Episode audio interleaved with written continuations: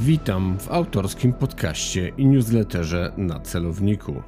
Co najmniej raz w tygodniu usłyszycie Państwo w podcaście, a dwa razy w tygodniu przeczytacie w newsletterze rozważania na temat bezpieczeństwa i jego zagrożeń, ze szczególnym uwzględnieniem terroryzmu oraz służb specjalnych.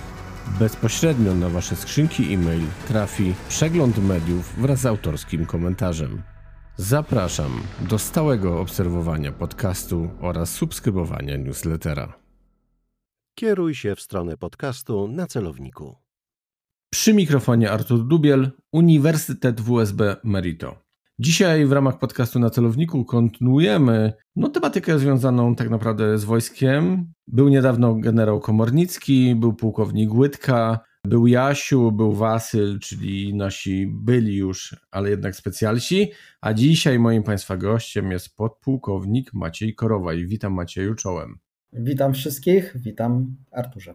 Podpułkownik rezerwy Maciej Korowaj. Tak. Absolwent Wyższej Szkoły Oficerskiej Akademii Obrony Narodowej jeszcze i Uniwersytetu Warszawskiego. Bogata kariera w Wojsku Polskim, ale zajmujesz się przede wszystkim kwestiami typowo militarnymi, ze szczególnym jakby uwzględnieniem, i to trzeba mocno podkreślić, Ukrainy, Rosji, Białorusi, więc moglibyśmy powiedzieć, że wschodu, oczywiście do tego dochodzi i strategia, i taktyka, i operacje. Myślę, że rozmowa może być ciekawa, no bo chyba, nawet nie chyba, no spełnia się te chińskie przekleństwo, oby żył w ciekawych czasach. To prawda, Arturze, no ciekawe czasy nastąpiły. Myślałem, że ten kierunek będzie taki troszeczkę bardzo niszowy, bo akurat tym zagad tymi zagadnieniami, o których tu wspomniałeś, zajmuję się już, zajmowałem zawodowo 15 lat i jeszcze dalej zajmuję, bo, bo to jednak cały czas jest, moja, mo, jest moją pasją. Tak myślałem, że to będzie taki niszowy kierunek, ale okazało się, że, że jest to ten kierunek, który w zasadzie kształtuje obecną rzeczywistość geopolityczną nawet można powiedzieć. Ale chyba błędem by było tak naprawdę zakładać, że ten wschód to będzie właśnie taka nisza, tak? No pamiętajmy o tym, mieliśmy pewnego rodzaju, nie chcę powiedzieć, że przewrót, ale przeorientowanie, tak? Byli nasi wrogowie, stali się naszymi sojusznikami, nasi byli sojusznicy, stali się wrogami, no ale tak naprawdę no najlepiej mieć takie spektrum wiedzy i informacji z całości otaczającego nas świata. Nie możemy się interesować tylko przeciwnikami, by nie powiedzieć momentami i wrogami, ale no, sojusznikami też, no umówmy się. No tak, tylko y, ja się zacząłem specjalizować właśnie w tych wschodnich, wschodnich aspektach e, militarnych i można też powiedzieć politycznych. Nie można rozdzielić polityki od wojska. Mm, to, to zawsze gdzieś tam jest wspólnie odbierane, a także i sprawy gospodarcze. Natomiast ja akcentuję w swoich analizach te kwestie dotyczące taktyki, operacji, strategii, działań specjalnych wszystko, co jest związane z rosyjskimi, białoruskimi, ukraińskimi działaniami w tym zakresie, no a szczególnie w tym zakresie, jaki prezentuje sobą konflikt, który jest na Ukrainie, ale nie tylko ten, który jest obecnie, ale to, co miało miejsce też i, i, i wcześniej.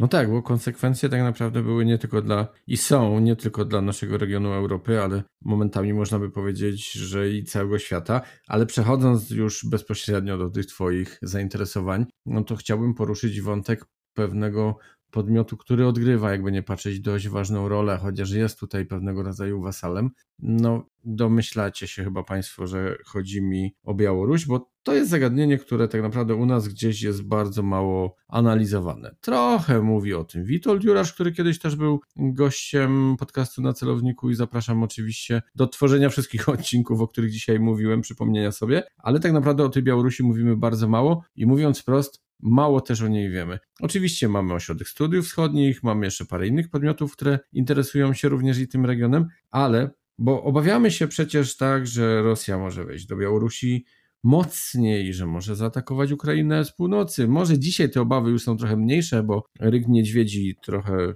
delikatnie mówiąc, trochę osłabł, ale zastanówmy się też nad samą armią białoruską. Pi oko i mam nadzieję Maciej pułkowniku, że to naprostujesz. Armia białoruska to jest jakieś 50 tysięcy chłopa, mówiąc tak wprost, wojskowym językiem.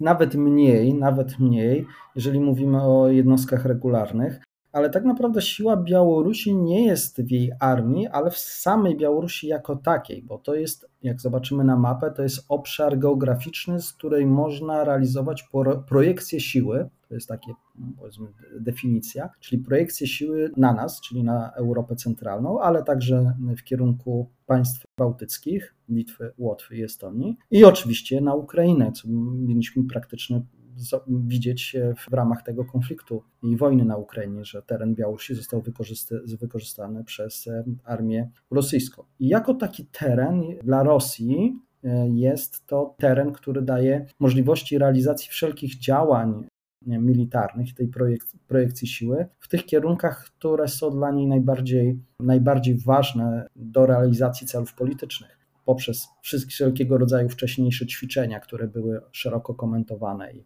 oddziaływane. Były wszystkie elementy na, na, na, na kwestie polityczne tutaj Europy Środkowo-Wschodniej, e, a teraz pod względem zagrożeń militarnych bardziej realnych wykonanych przy, przeciwko Ukrainie, a także przeciwko nam w ramach kryzysu migracyjnego.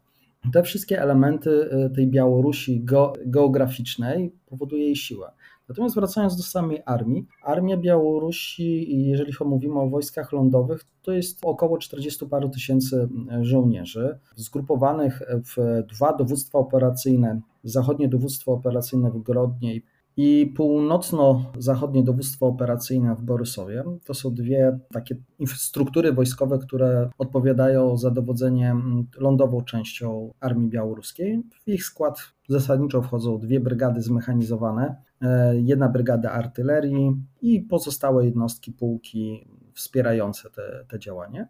Jest jeszcze dowództwo operacji specjalnych, pod które podlegają dwie brygady jedna w Witebsku, druga w e, Brześciu oraz e, brygada specjalna w, w Marinagorce. Do tego są jeszcze jednostki podległe pod e, sztab generalny. To są dwie brygady rakietowe, czyli brygada rakiet operacyjno-taktycznych i brygada artylerii rakietowej oraz brygada artylerii mieszanej i jednostki też wsparcia logistycznego, rozpoznawcze, radiotechniczne i tak dalej. I do tego jeszcze dowództwo sił powietrznych, e, gdzie są dwie takie główne bazy w Baronowiczach i w Maczuliszcze lotnicze. Jest jeszcze baza w Lidzie z lotnictwa szturmowego i, i szkolna oraz pułki przeciwlotnicze brygady. Jeśli spojrzymy na strukturę całej armii białoruskiej, to zwrócimy uwagę, że Gro sił to są właśnie jednostki e, zabezpieczenia i e, ochrony jakby tej przestrzeni geograficznej, jakim jest Białoruś, czyli to są jednostki mm, zabezpieczenia dróg kolejowych, są dosyć mocno rozbudowane jak na potrzeby dosyć małej armii białoruskiej ale także obrony powietrznej, które mają zabezpieczyć ten cały teren przed e, działaniami no, napadu, środków napadu powietrznego. I w te elementy Białoruś poprzez fundusze państwa związkowego bardzo mocno inwestowała w ramach właśnie wsparcia też przez Rosję, państwa związkowego razem z Rosją. I te, to są te elementy, które są y, na Białorusi bardziej, bardziej rozwinięte. Więc jeżeli mówimy o jakimś zagrożeniu militarnym Białorusi, to nie ze strony jej armii jako takiej, bo to są w zasadzie sześć brygad, które można, można powiedzieć, że są do użycia w, w każdej chwili, ale przede wszystkim właśnie przez ten teren, który może być wykorzystany przez Rosję i dosyć szybko ta projekcja siły może być e, zrealizowana na do, dowolnym kierunku e, właśnie z całego obszaru Białorusi. Tutaj bym widział tą siłę i zagrożenie. No, do kooperacji jako takiej białorusko-rosyjskiej w dalszej części jeszcze przejdziemy, ale bo powiedziałeś mocno inwestowała. Jednak patrząc w pewien sposób na ten potencjał ludzki też i sprzętowy, tak, czyli siły i środki, no ten obraz armii białoruskiej nie wygląda przynajmniej tak z zewnątrz jakoś mocno. I mocno to zresztą też sam podkreśliłeś, że to bardziej terytorium chyba niż ta armia, bo mówi się powiedzmy, że w kręgach zainteresowanych bezpieczeństwem czy bezpieczeństwem narodowym, że potencjał przede wszystkim Białorusi, jeśli chodzi o ludzi, no przy okazji też i o sprzęt, bo, bo bez niego nie da się zbyt wiele zrobić, to jednak są siły i służby specjalne, no i wszystko to, co związane z tą strefą cyber i że ten potencjał tam jest, a cała reszta, no weźmy też pod uwagę oczywiście siły jeszcze milicyjne czy, czy innych służb, ale kiedyś też rozmawiałem z Białorusinami, którzy uciekli stamtąd, I oni mówili, że tak naprawdę to wsparcie, no niestety trochę uciekamy znowu w stronę polityki, ale te poparcie społeczne jako takie jest bardzo niskie, tak? I ten naród ewidentnie gdzieś jest zastraszony, no jest ten aparat przymusu, represji, który ten naród trzyma. No bo to też jest ważne, żeby interpretować zagrożenie ze strony Białorusi jako takiej. Czy tutaj jakby potencjał, patrząc całościowo na ten, nazwijmy to aparat siły, widzisz jako taki, czy jednak w pewien sposób będziesz dalej y, mówił, że to jest kwestia tak naprawdę bardziej terytorium niż, niż samego wojska i, i, i pozostałych służb? no to mówimy o zagrożeniach zewnętrznych. To e, wskazywałem tutaj wojsko. Natomiast tak naprawdę Białoruś najsilniejsza jest w właśnie wojskach wewnętrznych, w milicji i w służbach specjalnych, o których tutaj Arturze wspominałeś. Ale to są bardziej sytuacje ukierunkowane na utrzymaniu władzy. Łukaszenka bardzo mocno inwestował, w zasadzie najlepszy rekrut idzie do jednostek wewnętrznych, najlepsze uzbrojenie i płace też są w jednostkach wewnętrznych, czyli w wojskach wewnętrznych, w milicji, w służbach specjalnych co też pokazało, w jaki sposób sprawne, jakby to nie, jakby to nie powiedzieć, zostały spacyfikowane protesty na Białorusi.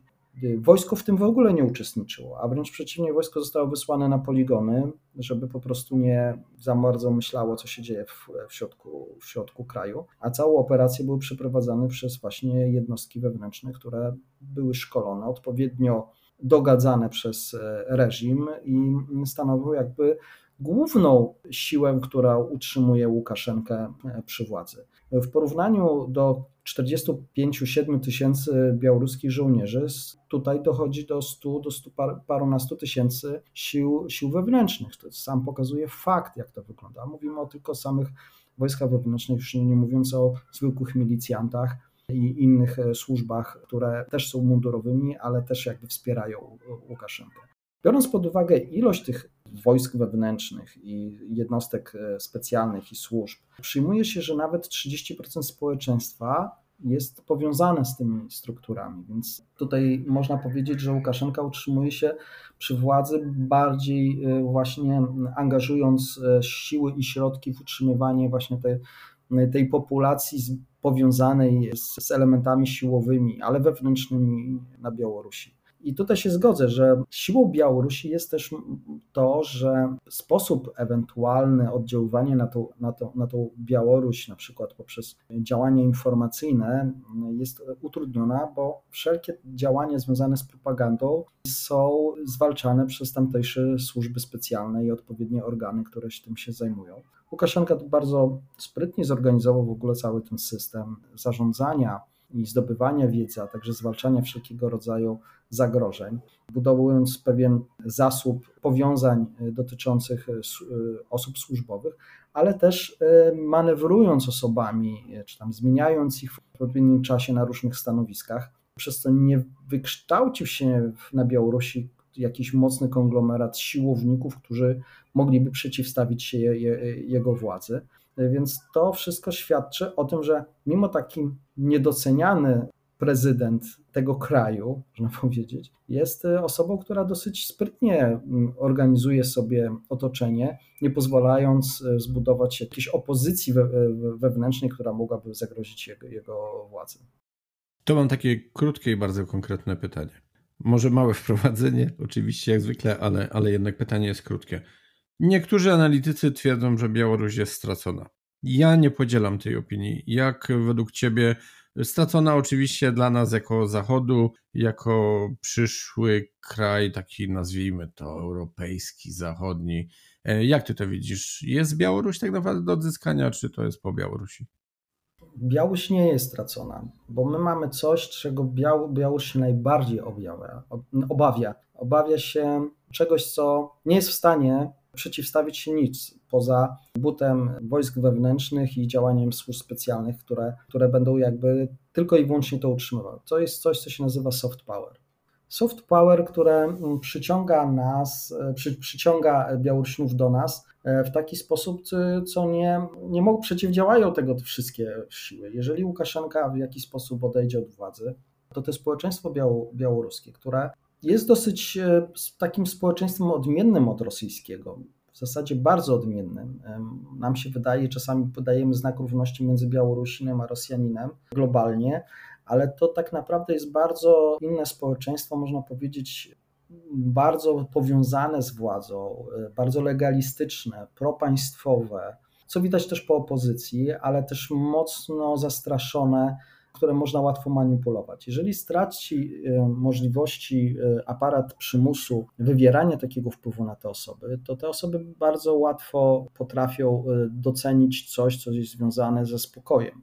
Białoruś nigdy nie miała jakichś awersji związanych z działaniami na przykład grup nacjonalistycznych w środku, takie na przykład Rosjanie mają nigdy nie miała tego typu e, zacięć związanych z, z jakimiś rewizjami dotyczących granic. Przynajmniej e, mówimy o społeczeństwie, nie mówimy o władzy, czy tam e, Łukaszenka swego czasu też parekrotnie mówił, że tam wschodnia Polska to też częściowo Białoruś, ale jako społeczeństwo w, w środku, jeśli porozmawiać z Białorusinem czy z Białorusinami, to nie ma tego typu, nie ma tego typu zagadnień. Oczywiście też trzeba pamiętać, że Białoruś jako takiej państwowości e, nigdy nie miała na przestrzeni tam wieków i też oni inaczej troszeczkę podchodzą do, do, swoich, do swojej histori do historii. Oni też się odnoszą trochę do historii Wielkiego Księstwa Litewskiego, do II Rzeczpospolitej, ale też do tej sowieckości, którą się szczycą w ramach e, wojny ojczyźnianej i wszystkim tym związa związanym.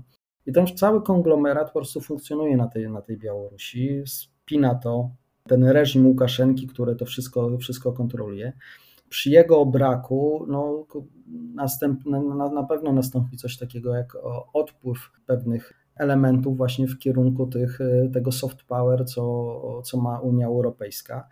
I uważam, że nie jest ona tak stracona. I oczywiście to trzeba dobrze modelować, trzeba odpowiednio, odpowiednio przygotowywać tego typu działania, mieć jakieś scenariusze, budować te elementy, które pozwalały e, przybliżyć Białoruś e, do krajów europejskich. I jeżeli to będzie budowane z taką wizją e, długoplanową, ten soft power spowoduje, że naprawdę ta Białoruś wcześniej czy później będzie krajem, który będzie samo stanowił o swojej kulturze, o swojej polityce w ramach wspólnoty państw europejskich. Ja tego bardzo bym chciał i, i mam nadzieję, że to kiedyś się stanie.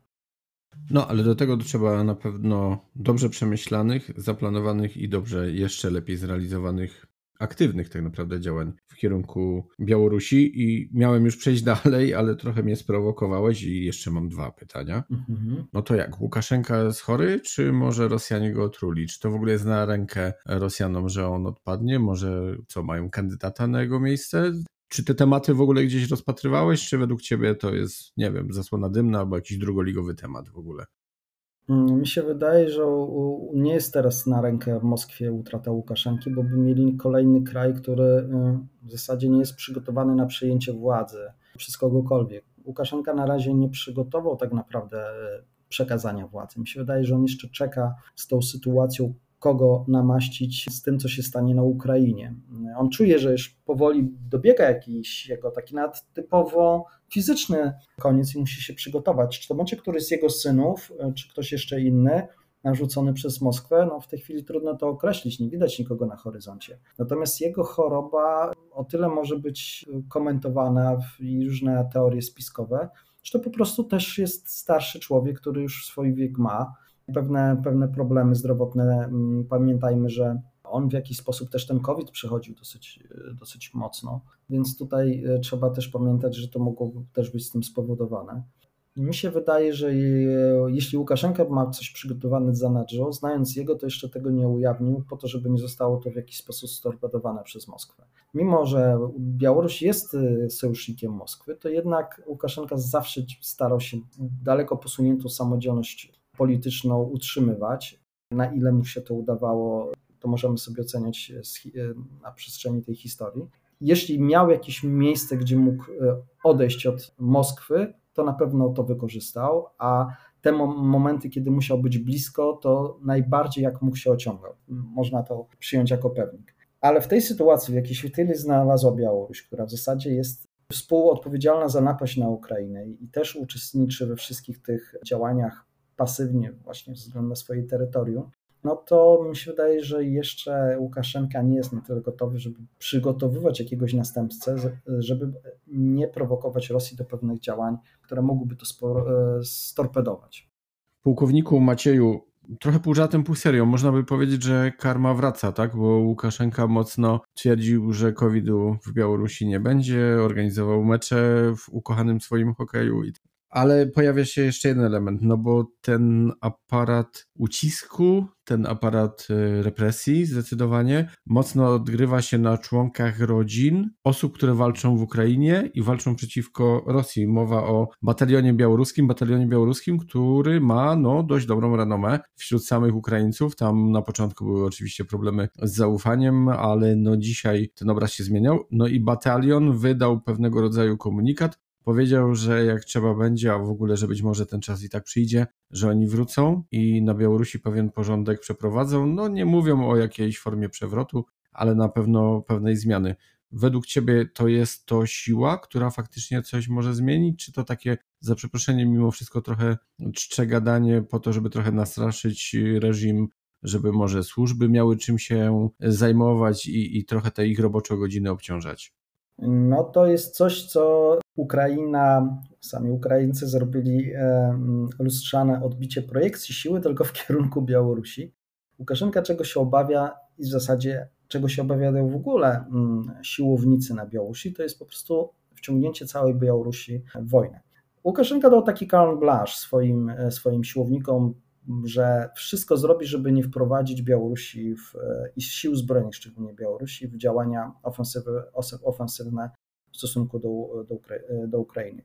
Nie jest to tak, że Mińsk nie będzie jakby tam wspomagał, czy tam amunicją, czy swoimi zasobami, czy swoimi poligonami, instruktorami w tej chwili, żeby pomagać szkolić e, rosyjską armię, ale na pewno nie chce wprowadzić wojsk białoruskich do konfliktu, ze względu na to, że obiecał, i to też społeczeństwu, że on jest jedynym gwarantem, że Białoruś nie będzie e, uczestniczyć w wojnie i, nie, nikt, na, i nikt na Białorusi nie napadnie.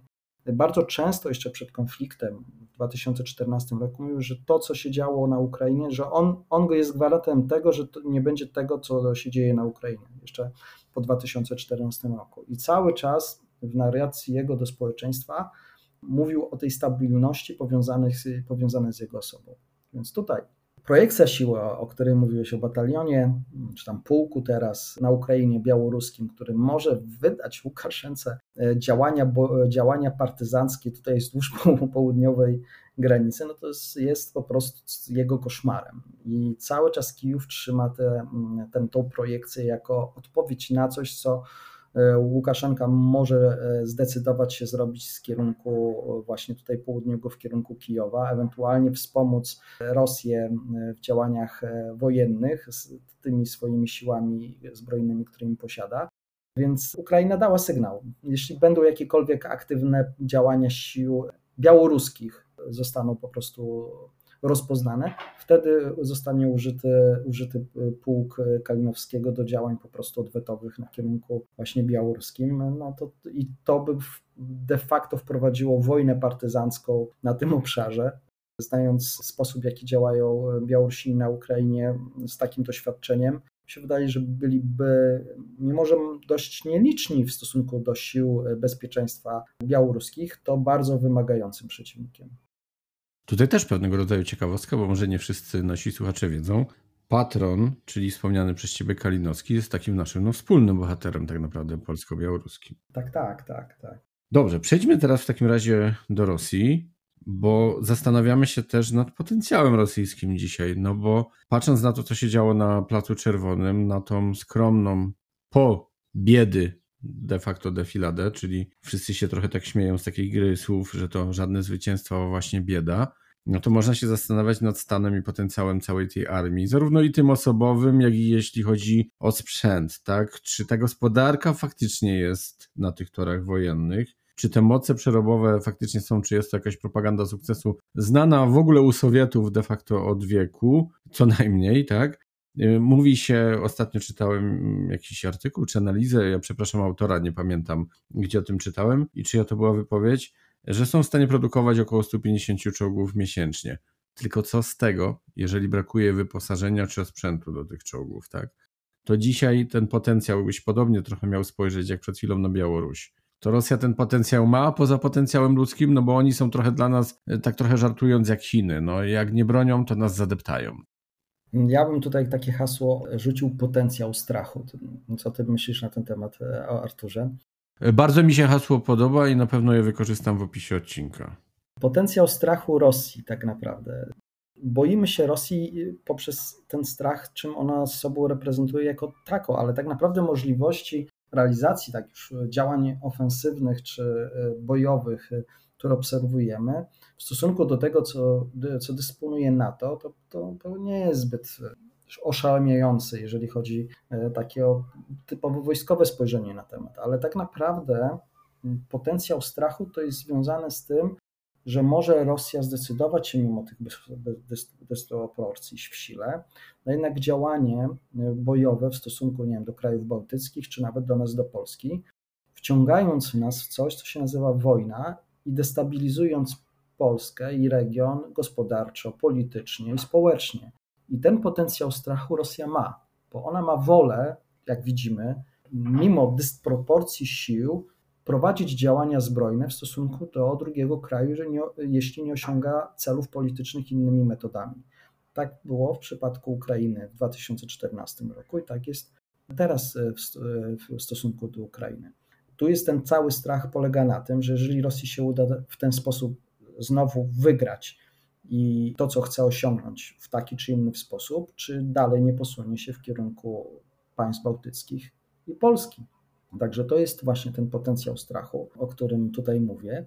On się oczywiście składa też na kwestie militarne i inne związane, ale też zwróć uwagę, że ta słabość Rosji przekłada się na brutalność jej żołnierzy. To, co zrobili w Buczy, w Irpieniu i to zostało jak nagłośnione, to nie jest coś, co zostało z, z moim zdaniem zrobione tak sobie przez żołnierzy. To była frustracja, że nie osiągnięto pewnych sukcesów militarnych. Pozwolono żołnierzom na brutalne traktowanie cywilów, żeby ten przykład dać i Ukraińcom i dać i reszcie Europie, że konflikt ewentualny z Rosją albo ten, który Rosja rozpocznie, będzie konfliktem brutalnym w stosunku do e, cywilów i też te państwa muszą się przygotować nie na to, że będą atakowany i zabierany im teren, ale przez to, że będą eksterminowani ludzie, którzy są obywatelem danych, danych krajów. I to jest właśnie budowanie tego potencjału strachu. Do tego jeszcze można dołożyć broń atomową i inne czynniki związane z,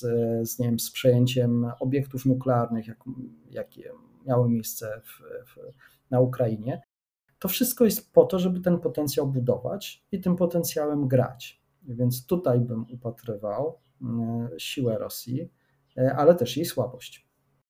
I tutaj w pewien sposób muszę się troszeczkę z tą zgodzić i nie zgodzić, bo no jestem mocno związany z Górnym Śląskiem. Niektórzy ze słuchaczy pewnie już to kiedyś słyszeli, ale ja od razu mam skojarzenia z tą, bo, mu, bo mówię tak naprawdę o, o tej brutalności, tych, nazwijmy to żołnierzy, bo dla mnie to nie są w ogóle żołnierze. Nie chcę nawet mówić, że zwierzęta, bo bym zwierzęta obraził, ale przypomina mi to obrazy, oczywiście, no, których nie widziałem i tylko z historii je znam. Również z relacji niestety rodzinnych, kiedy Armia Czerwona przechodziła nie tylko przez Polskę, ale właśnie też, znaczy źle to może zabrzmi, ale też przez Górny Śląsk, tak? I jako taki mamy tę swoją tragedię górnośląską, mamy odpowiednie jakby podejście, jeśli chodzi o, o, o, samą Rosję i to, co ostatnio tam Kadyrow proponował względem Górnego Śląska, no to zostało tutaj mocno wyśmiane i świadczy tylko i wyłącznie o jego niewiedzy, niekompetencji i tak dalej, i tak dalej. Ale do czego zmierzam?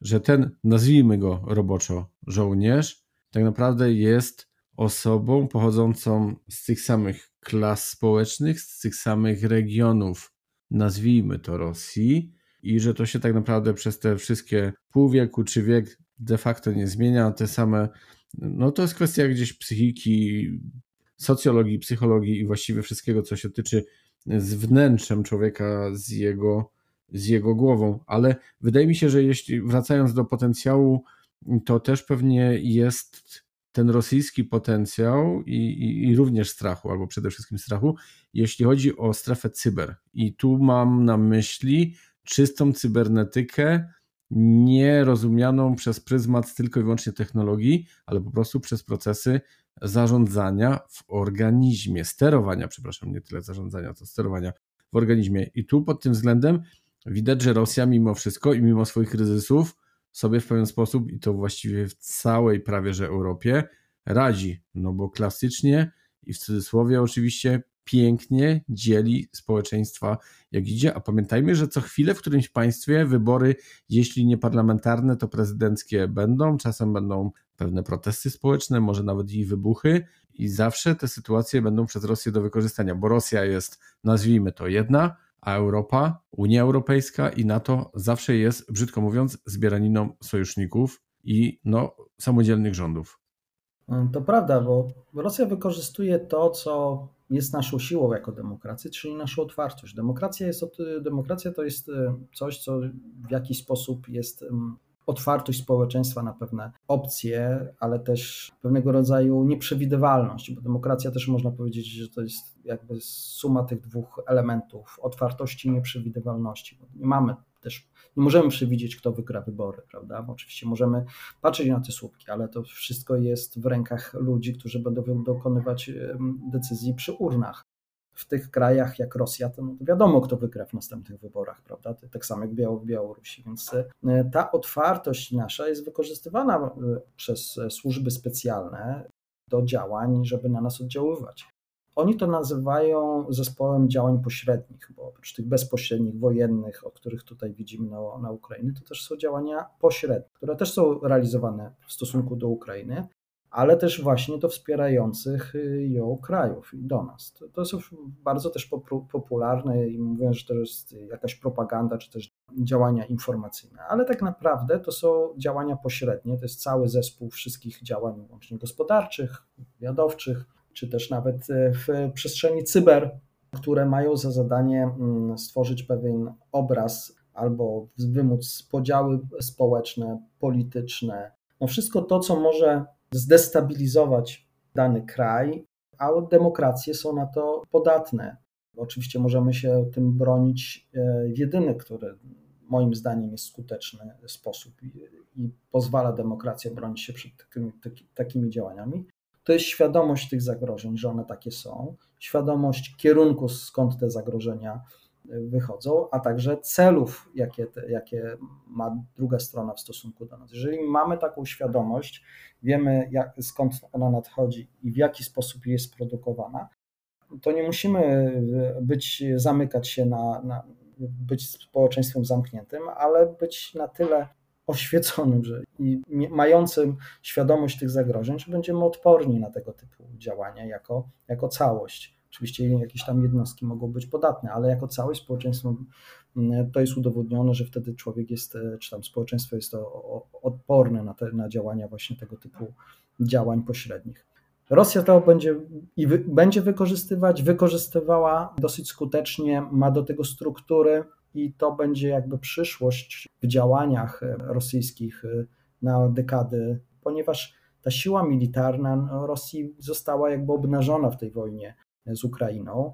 Oczywiście jest, ta, mm, jest ten potencjał strachu, ale ten strach też, jeżeli zrozumiemy, na czym polega, to też jest słabością Rosji, bo on może być nieskuteczny w stosunku do nas. Także poznawajmy tą Rosję. Ja się staram poznawać ją jak najdokładniej i patrzeć na jej dobre i złe strony, żeby, żeby wiedzieć, w jakich elementach jest dobra, w jakich elementach jest słaba, po to, żeby wiedzieć, co naprawdę nam zagraża i w jaki sposób, i staram się o tym komunikować na swoich, na swoich kanałach. No i wydaje się, chociaż nie jest to najlepsze słowo, że robisz to bardzo skutecznie, bo przecież szybko naprawdę udało ci się zdobyć grono obserwujących na Twitterze. Zapraszam oczywiście do obserwowania profilu pułkownika Korowaja. Mieliśmy przejść za chwilę tak naprawdę do tej kooperacji białorusko-rosyjskiej, ale o jeszcze jedną rzecz w takim razie bym musiał zapytać. Czy jakbyśmy mieli powiedzieć o potencjale ukraińskim, no bo w sumie to jest trzecie państwo, które Cię bardzo interesuje, to zgodzisz się i, i powiesz coś tak naprawdę na, na ten temat? Jest o czym powiedzieć, no bo wiadomo, to nie jest armia, która poradziłaby sobie z tą agresją sama, potrzebuje tego wsparcia Zachodu i ono jest potrzebne, bo jest też w naszym interesie No bo przecież no, kontrofensywa ruszyła, nie ruszyła. Oczywiście tutaj też mamy sprzeczne informacje. Jak ty na to wszystko patrzysz, na tą dzisiejszą wojnę, że tak się wyrażę? No, dzisiejsza wojna pokazuje nam, że konflikt y, symetryczny jest konfliktem, który trzeba brać pod uwagę w, w naszej części Europy. Pamiętajmy, że de, parę dekad temu mówiliśmy wyłącznie o konfliktach asymetrycznych, czyli tych konfliktach, które dotyczą pewnych zagrożeń terrorystycznych, jakichś takich tego typu działań hybrydowych. Natomiast tutaj mamy do czynienia z konfliktem symetrycznym, który jest klasyczną przykładem tego, że nie wolno zamykać się na pewne rzeczy, które miały miejsce wcześniej, bo my żyjemy w, jak geograficznie w pewnym obszarze, gdzie tego typu konflikty najwięcej dawały politycznie. U, nas nie zmieniały się kwestie związane z polityką poprzez działania powiedzmy asymetryczne, tylko zawsze dochodziło do konfliktów symetrycznych, które zmieniały władzę, czy też zabierały teren w tej części Europy. Nic się to nie zmieniło, technika poszła naprzód, ale proces sam pozostał taki sam. A jeżeli chodzi o Ukrainę, Ukraina poczyniła po 2014 roku w zasadzie kolosalne zmiany, jeżeli chodzi o swoje siły zbrojne. I co ciekawe, ukraińskie siły zbrojne nie brały modelów wrzyste wzięte z natowskich, ale stworzyły coś, co zaadaptowało, zaadaptowały do swojego terenu, do możliwości swojego państwa, ale przede wszystkim do tego, co reprezentuje sobą siły zbrojne Federacji Rosyjskiej. Zbudowały taki system bezpieczeństwa, jeżeli chodzi o siły zbrojne, i taki sposób działania, który umożliwi obronę swojego terytorium e, mimo dysproporcji sił ale też z góry zakładano, że ta obrona nie będzie trwała mm, nieskończoność ze względu na dysproporcje potencjału obu krajów, co też widzimy, że po dwóch latach, to trzeba już drugi rok wojny, że Ukraina bez wsparcia e, państw Zachodu no, zdewaluowała swoje siły zbrojne do takiego stopnia, że Rosja po prostu by ich, bez wsparcia Zachodu, po prostu by Rosja ich zdobyła samą przewagą siły i ilości, co też świadczy o prowadzeniu konfliktu e, symetrycznego.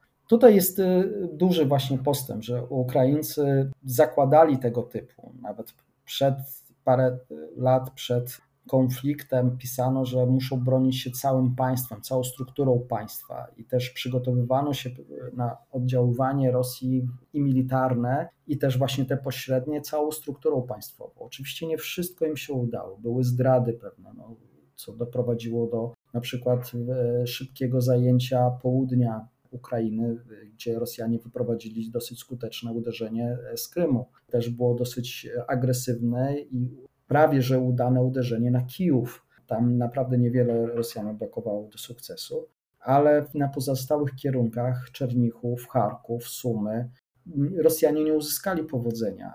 Tak samo Donieck i tutaj cały Donbas też nie został zajęty, zresztą przygotowywany tyle lat pod tym względem, jest dosyć trudnym obszarem do, do pokonania e, przez Rosjan. Rosjanie liczyli na dosyć szybki sukces, nie docenili Ukraińców i tak się skończyło to działanie. Więc ta armia i cała Ukraina tym swoim potencjałem od 2014 roku zrobiła kolosalne kroki, biorąc pod uwagę możliwości danego kraju, ale jak mówię, pracowała nad tym, analizowała. Miałem przyjemność rozmawiania z różnymi ludźmi, którzy się tym zajmowali wcześniej i teraz też e, zajmują, właśnie Ukraińcami. Wprowadza bardzo nowe rozwiązania, bardzo nowe rozwiązania, które, które mm, pozwalają e, w tej dysproporcji sił zdobywać przewagę i redukować e, potencjał Rosji do takiego stopnia, żeby przechodzić na niektórych obszarach do ofensywy. Odblokowano Kijów, Zmuszono Rosjan do ucieczki spod Hersonia, przeprowadzono udaną ofensywę obok Charkowa. To wszystko ze względu na to, że przede wszystkim Ukraina potrafiła zdobyć przewagę świadomości nad, informacyjnej nad przeciwnikiem. Oczywiście przy wsparciu też Zachodu, bo wspieramy Ukrainę wszelkimi danymi. To jest coś, co dało przewagę Ukraińcom nad Rosjanami. Po prostu wiedzieli więcej, wiedzieli szybciej, mogli podejmować decyzje bardziej autonomicznie niż to robią Rosjanie. Ale z drugiej strony to takim game changerem w ogóle w wojnie na Ukrainie to jest to, co posiada z sobą łączność, łączność satelitarna, która zabezpiecza, która zabezpiecza Starlink. To w zasadzie zmieniło e, pole walki pod względem i zarządzania nim, i zbierania informacji oraz dystrybucji tych informacji do ośrodków decyzyjnych rozproszonych, które dają tą przewagę nad rosyjskimi, że one są bardziej scentralizowane i nie mogą się tak dynamicznie adaptować do, do danej sytuacji walki a sytuacja na polu walki się zmienia o wiele szybciej i o wiele dynamiczniej niż, niż zakładaliśmy, że, że, tak, że tak będzie.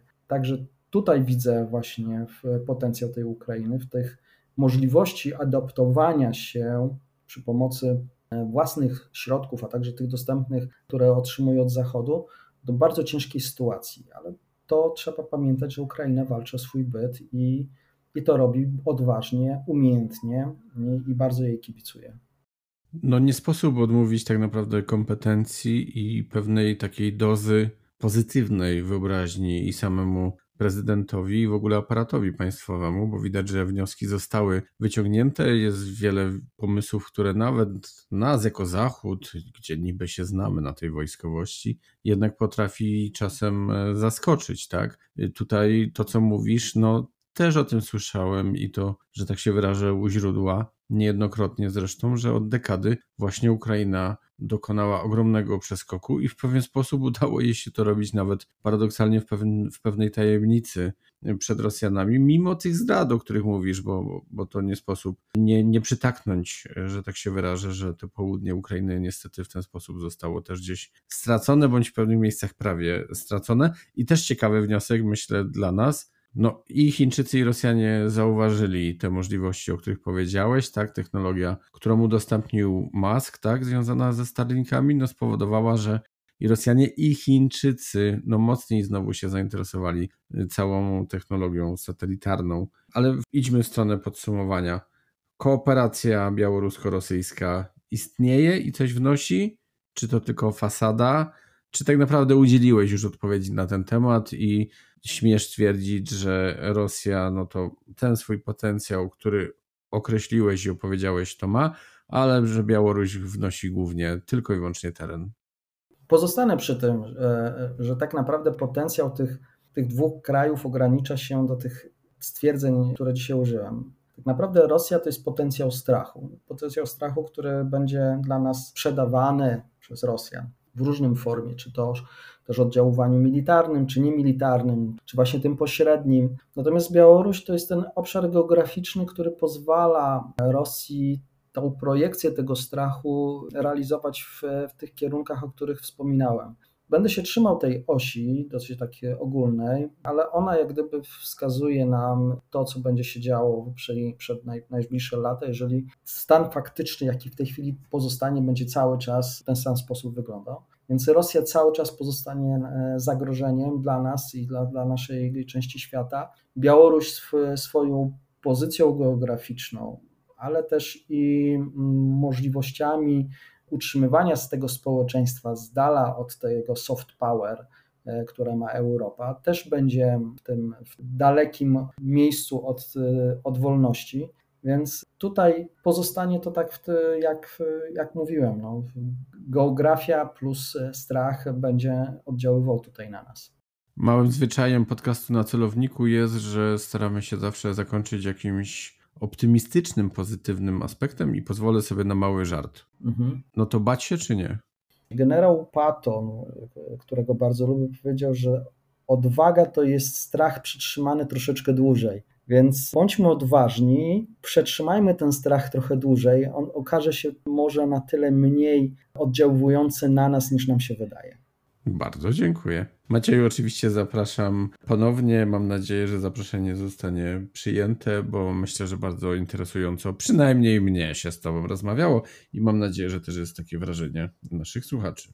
No dziękuję jeszcze raz bardzo za zaproszenie. Mam nadzieję, że moje wywody i analizy spotkają się z dobrym przyjęciem Twoich słuchaczy. Jeszcze raz bardzo dziękuję. No myślę, że będą dobrym uzupełnieniem, a przynajmniej mam taką nadzieję tego, co, co robisz na Twitterze. Dzisiaj moim Państwa gościem był podpułkownik rezerwy Maciej Korowaj, oficer Wojska Polskiego, zajmujący się kwestiami militarnymi dotyczącymi Ukrainy, Rosji Białorusi, taktyki, strategii i operacji. Jeszcze raz bardzo serdecznie pułkowniku dziękuję. Jeszcze raz bardzo dziękuję. Bywajcie zdrowi, bywajcie bezpieczni. Kieruj się w stronę podcastu na celowniku. Wszystkie odcinki podcastu na celowniku dostępne są w ponad 20 największych platformach podcastowych, a także w serwisie YouTube. Zapraszam także do subskrybowania newslettera na celowniku pod adresem nacelowniku.artur.tel. Jeśli doceniasz podcast i newsletter na celowniku, zapraszam do wspierania w serwisie Patronite pod adresem patronite.pl ukośnik celowniku.